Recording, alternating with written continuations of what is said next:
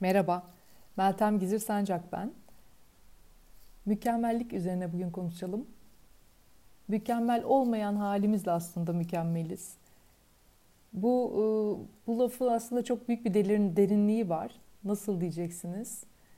Biz e, mükemmel olmayan halimizle aslında mükemmeliz. Birbirimizi tamamlıyoruz ve bütünüz. Biz e, bütünlüğü kaçırıyoruz aslında. Mükemmel olmayan halimizi reddederek aslında yaşamda bir bütün olmayı kaçırıyoruz.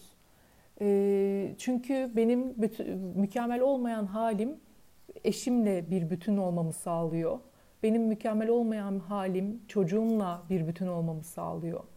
Ve benim mükemmel olmayan halim arkadaşlarımla, dostlarımla, belki hiç tanımadığım biriyle bütün olmamı sağlıyor. İşte biz de hayatta aslında bütünlüğü kaçırıyoruz ve e, mükemmel olmaya çalışarak.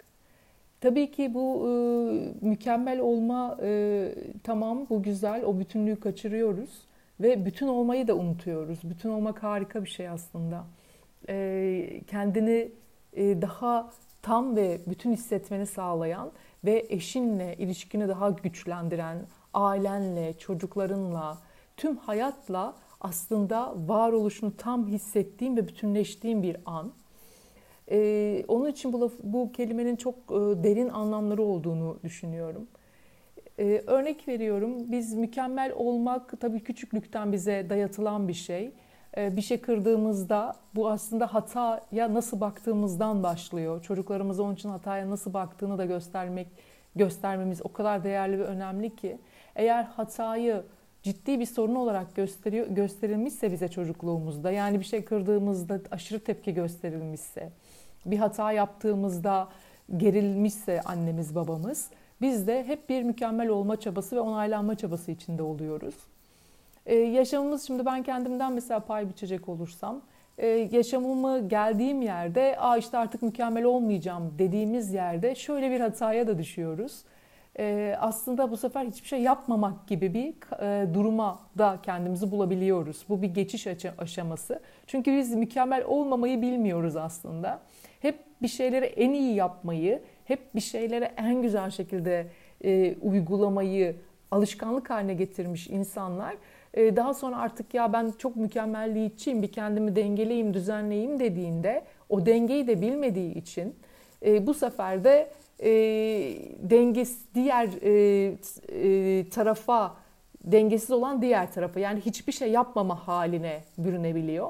İşte bizim onu dengeyi getirebilmemiz için, o dengede kalabilmemiz için aslında mükemmelliyetçiliğin en temeldeki sorununu çözmemiz gerekiyor.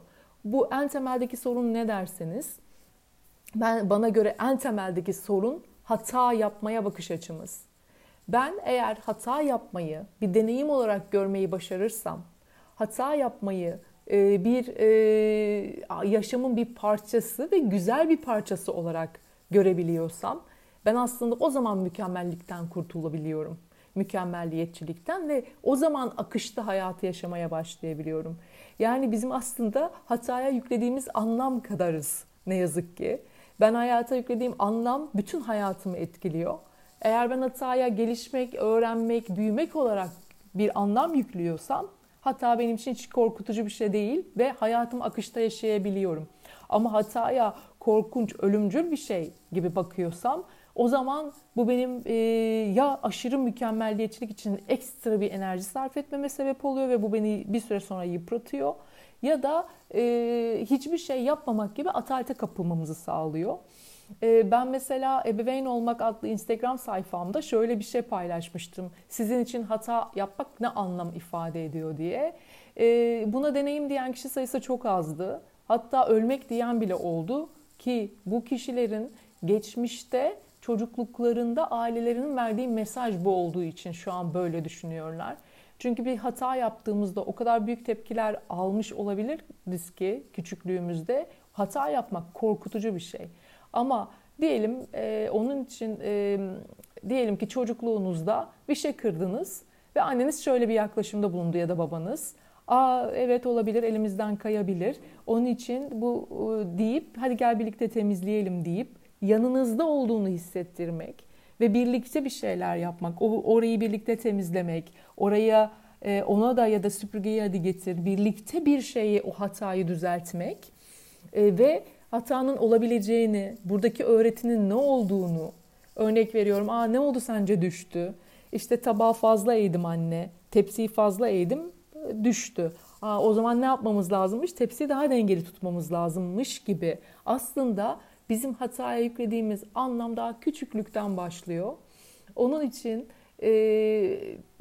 bizim aslında küçüklükten e, çocuklarımıza da vermemiz gereken temel şey hatanın çok doğal ve olası bir şey. Hata yapmadan, yapmayan hiç kimsenin olmadığı ve çok doğal bir şey olduğunu aşılamak olmalı.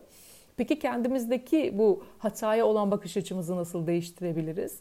Bununla ilgili e, çocukluğunuza dönebilirsiniz. Oradaki hata yaptığınız süreçlerdeki yaşantılarınıza bakabilirsiniz ve oradaki anlamları değiştirebilirsiniz. E, destek alabilirsiniz e, ve kendiniz üzerinde çalışabilirsiniz. E, baktığımızda hata yapmak güzel bir şey. Zihnimizde bunu yazmak en güzeli. Ve bu da bizim gerçekten hataya bakış açımız yaşamımızı değiştirecek bir şey. Çünkü biz hataya nasıl baktığımız kadar hayatı yaşıyoruz bana göre. Ben hataya deneyim olarak bakarsam hayatı akışta yaşarım. Hataya çok kötü bir şey olarak bakarsam hayatı suçluluk duygusuyla, yetersizlik duygusuyla ve değersizlik duygusuyla yaşarım. Seçim sizin. Hayata nasıl bakmak istiyorsunuz? Hataya nasıl anlam yüklemek istiyorsunuz? Hataya yüklediğimiz anlam hayatımızı şekillendiriyor. Onun için hatamızı sevmek ve ondan bir şeyler öğrendiğimizi bilmek ve hayata akışta yaşamak dileğiyle. Hoşçakalın.